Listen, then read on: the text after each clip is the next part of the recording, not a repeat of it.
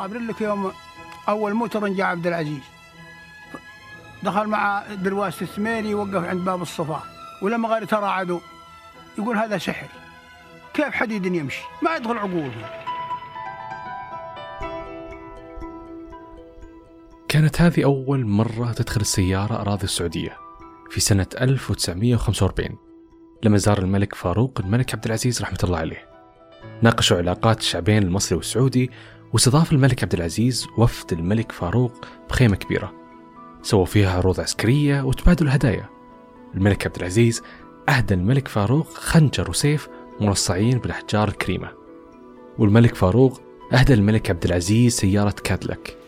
وهنا كانت بداية تغيير جذري في التنقل في المملكة العربية السعودية. ويظهر عبد العزيز يركب فيه ويقضبونه. تكفى يا عبد العزيز يكفى يا عبد العزيز. هذا سحر بيطير بك. مرحبا جميعا. أنا خالد القنيعة وهذا بودكاست عالم جديد المقدم لكم من زين السعودية.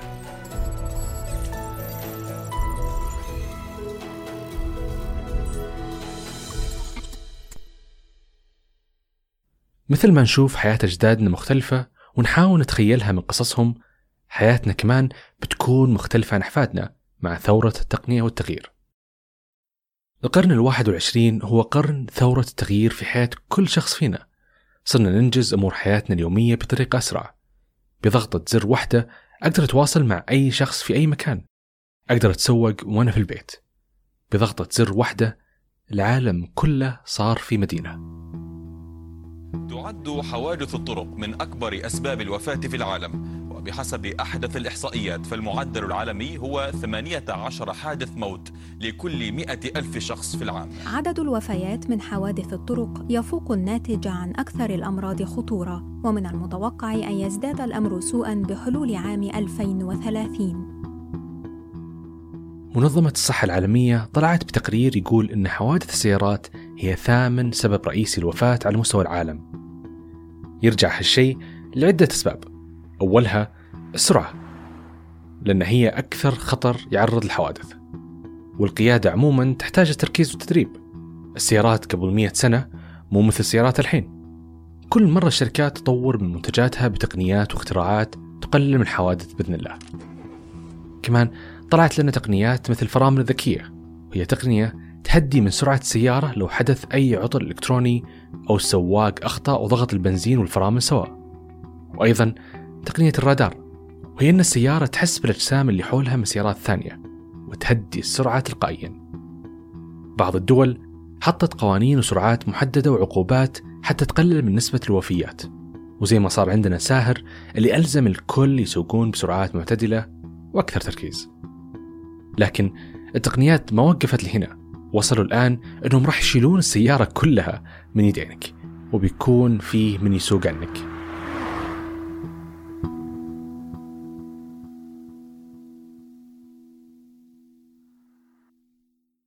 في آخر التسعينات ظهرت سيارة اسمها EV1 واللي كانت رائدة في مجال السيارات الكهربائية في ذاك الوقت. لكن للأسف ماتت زي باقي التقنيات الكبيرة اللي كانت سابقة وقتها وكان هذا في سنة 2003 وعلى طاري موتها حرفيا تجمعوا عشاق السيارة في ذاك الوقت وسووا جنازة وهمية لسيارات EV1 كانت تصريحات الشركة على موت هذه السيارة هي أن الطلب عليها في السوق كان ضعيف وما كان يكفي أنها تعيش. فقاموا جمعوا كل السيارات وشحنوها للصحراء وحطموها كلها تحت الشمس لكن كيف موت سيارة EV1 كان ملهم لولادة تسلا؟ إيش هي تسلا؟ أهلا وسهلا. آه عبد الله الخطيب آه صيدلي. أشتغل في المجال الطبي منذ أكثر من 10 12 سنة. آه السيارات بالنسبة لي هي شغف. وأنا شخص مطلع على السيارات أو من الناس اللي كانت تشتري مجلات سيارات منذ الطفوله وبعدها تطورت في مرحلة المراهقة لما كل واحد صار عنده سيارة بالنسبة للسباقات المنظمة. فالحمد لله كان صار في حلبات للسباق على مستوى الرياض وجدة. فأنا من المشاركين الدائمين بالنسبة لجميع الأنشطة أو السباقات اللي تصير على المستوى الدولي أو على المستوى الداخلي. بداية سيارات البنزين أو الديزل أو نسميها سيارات الوقود. آه، تعتمد في محركها على ضغط الهواء والوقود لإحداث احتراق داخلي لتوليد الطاقة اللازمة للتسارع حق المركبه. ولكن للأسف آه، السيارات هذه الانبعاثات الكربونية اللي تطلع منها مضرة جدا بالبيئة آه، وكل سيارة حسب سعة وحجم المحرك والتطور اللي وصلت وصلت له. على النقيض بالنسبة للسيارات الكهربائية، السيارات الكهربائية تعتمد على شحن بطارية السيارة أغلب البطاريات الآن المتواجدة في السوق السيارات الكهربائية تعتمد على بطارية الليثيوم آيون. الليثيوم آيون أو البطارية هذه متصلة باتصال مباشر مع محرك تقليقي صغير اللي هو ال AC induction motor أو الناقل الحركة اللي هو النحاسي الأسطواني. هو اللي يعتمد على حركة دوران العجلات. إيش الفرق الكبير أو الأكبر ما بين السيارات الكهربائية أو السيارات اللي تعمل في الوقود اولا السيارات الكهربائيه ما فيها خزان وقود ما فيها ناقل حركة أو كلتش ما فيها عوادم لأنها ما لها اي انبعاثات كربونية أو حرارية ما فيها ما تسبب الضوضاء اللي تسببها السيارات الوقود بالذات في الطرق السريعة ممكن تحس بالضوضاء اللي ناتجة عن الازدحام المروري أو السرعة الزائدة. آه زائد انه الآن كعملانية تعتبر السيارات الكهربائية أرخص بكثير كاستخدام يومي. الآن أنت ممكن تشحن السيارة في خلال خمس سيارة الكهرباء في خلال 45 دقيقة تمشيك بحدود 500 كيلو شحنة واحدة. وهذا الشيء اللي توصلت له الآن السيارات الجديدة وصار في رغبة كبيرة للناس إنها تعرف أكثر عن السيارة الكهرباء. لأن المشكلة الأساسية كانت فيها اللي هي البرفورمانس أو التسارع وهذا الشيء أتوقع إن السيارات الكهرباء خلال الأربع سنوات اللي راحت أثبتت إنها قدراتها التسارعية أو البرفورمانس حقها أسرع من السيارات المعتمدة على الوقود. فتقريبا هذه أكبر الفروقات ما بين السيارات الكهربائية والسيارات اللي تعمل بالوقود. نكمل قصتنا. في نفس سنة 2003 تجمع مهندسين مهووسين بالسيارات الكهربائية. واحد اسمه مارتن أبرهارد والثاني اسمه مارك توربنينج وقالوا نبي نثبت للعالم أن قيادة السيارات الكهربائية أمتع وأسرع وأفضل من سيارات البنزين.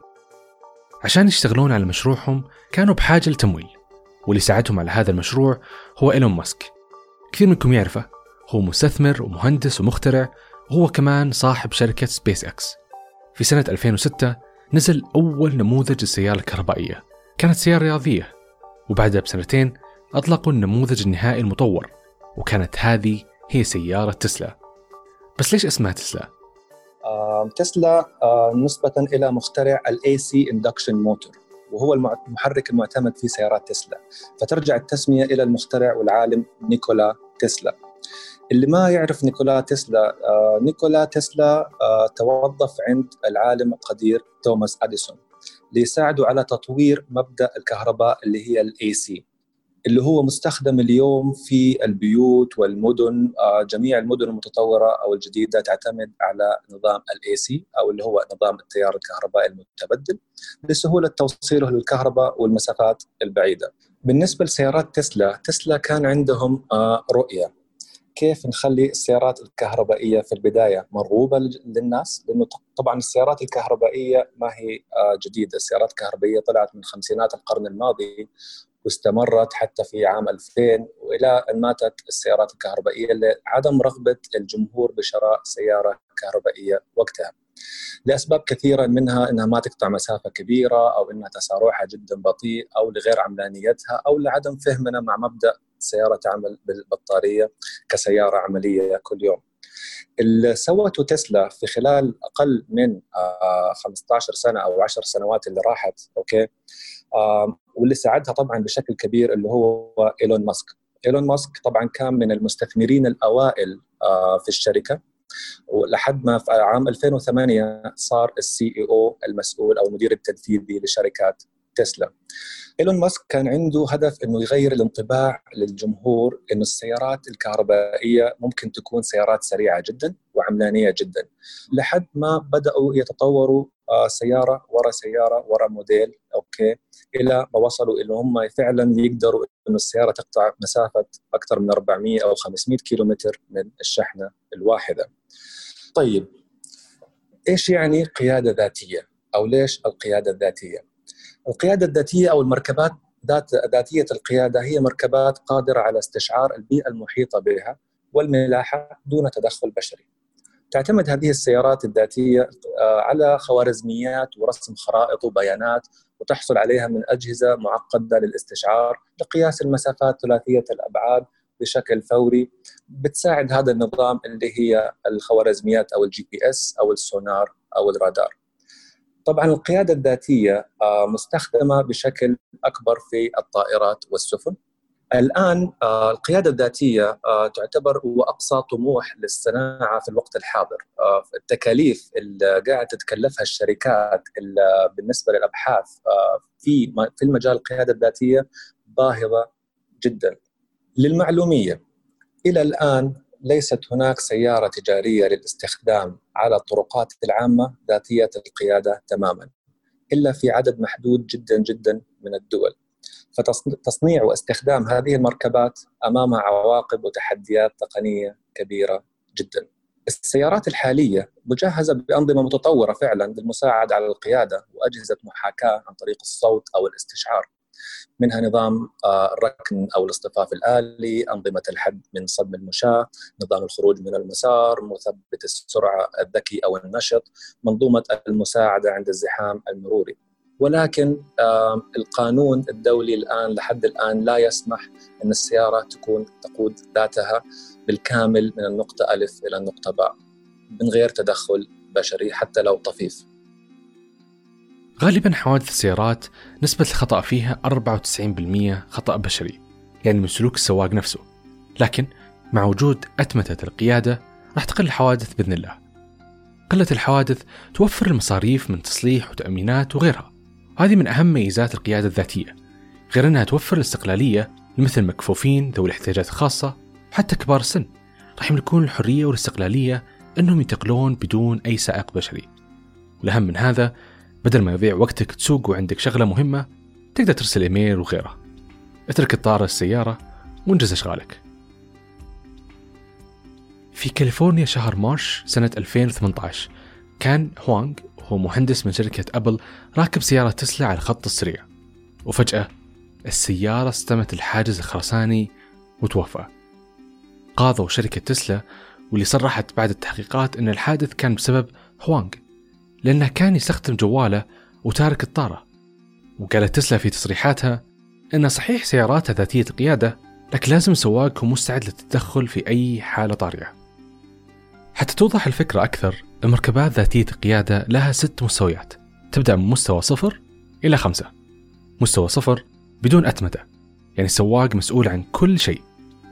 والمستوى واحد هو مساعد سائق يعني السواق ما زال مسؤول لكن في ميزات ثانية تساعده مثل مثبت السرعة أو تحديد المسار. والمستوى اثنين هي أتمتة جزئية للسواق. هنا ما زال يتحكم لكن في ميزات مثبت السرعة وتحديد المسار في المستوى الأول لازم تختار بين مثبت سرعة أو تحديد المسار لكن المستوى اثنين كلهم مع بعض. المستوى ثلاثة هي أتمتة شرطية. السواق ما زال مسؤول على مراقبة وتوجيه مباشر. مستوى أربعة هي أتمتة عالية. يعني السواق ما يتدخل ولا يراقب أبدا السيارة. راح تكون مسؤولة عن كل الوظائف ما عدا الطرق الوعرة والخطيرة. مستوى خمسة هنا أتمتة كاملة. السيارة تكون قادرة على كل الوظائف حتى في الأماكن الوعرة والخطيرة ولا يتطلب أي انتباه من السواق.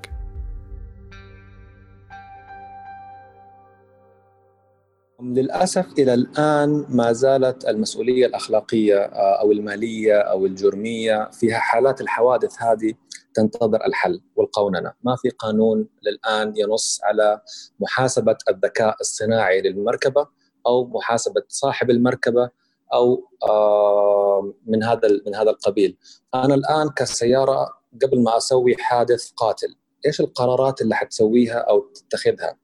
زي ما قلت هل تصطدم مباشرة بالسيارة اللي هي السبب في الحادث أو الخطأ البشري؟ هل تصطدم بشجرة؟ هل تصطدم بناس مشاة في الطريق؟ ولا تصطدم بحافلة مليئة بالناس؟ ف نحن نعلم أن الذكاء الصناعي يفكر بشكل فوري ويعمل ملايين إذا مو مليارات الحسابات الدقيقة في الأقل من جزء من الثانية. ولكن لازلنا إلى الآن الإنسان آه، بعقله بإدراكه لو هو فعلا بتركيزه يقدر ياخذ أفضل قرار من أي ذكاء صناعي متاح إلى الآن. وأرجع أكرر إذا كان كامل وعيه وتركيزه. لأنه اغلب اغلب الاخطاء البشريه تكون قله وعي أو قله تركيز أو انشغال بشيء اخر.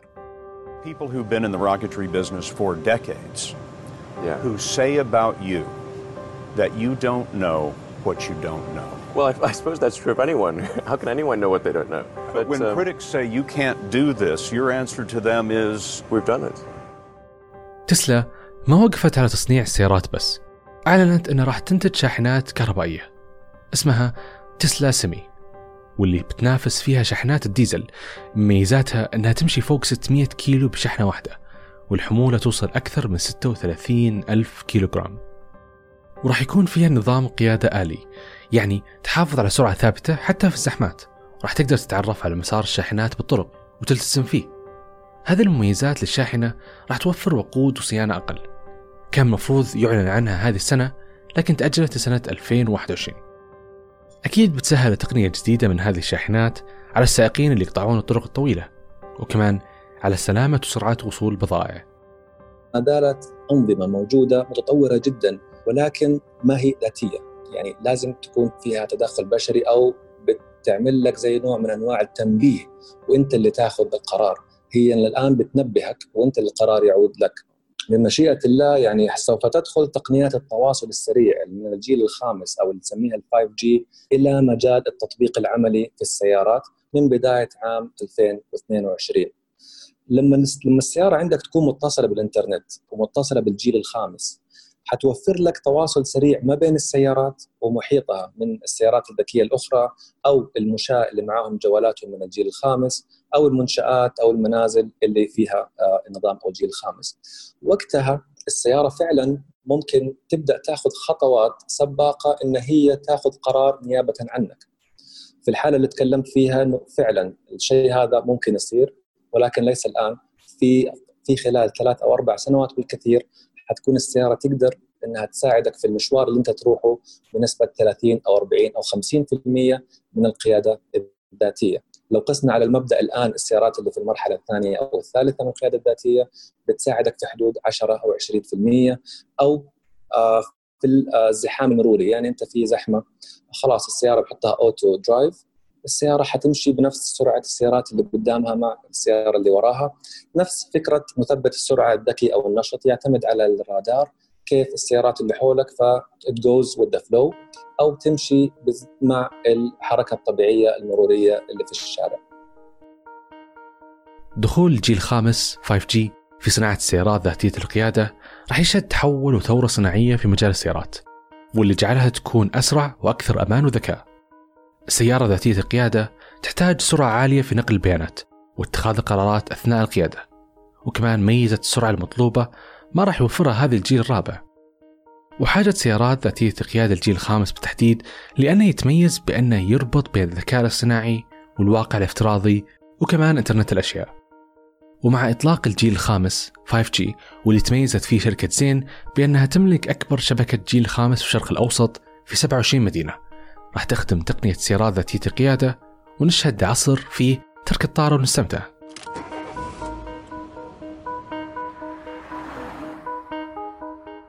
نتمنى أنكم استمتعتوا بالحلقة. لا تنسون تشاركون هالأشخاص اللي ملوا من سواقة السيارات وكمان اللي يصيدهم ساهر دايم. كان معكم خالد القنيعة يومكم سعيد.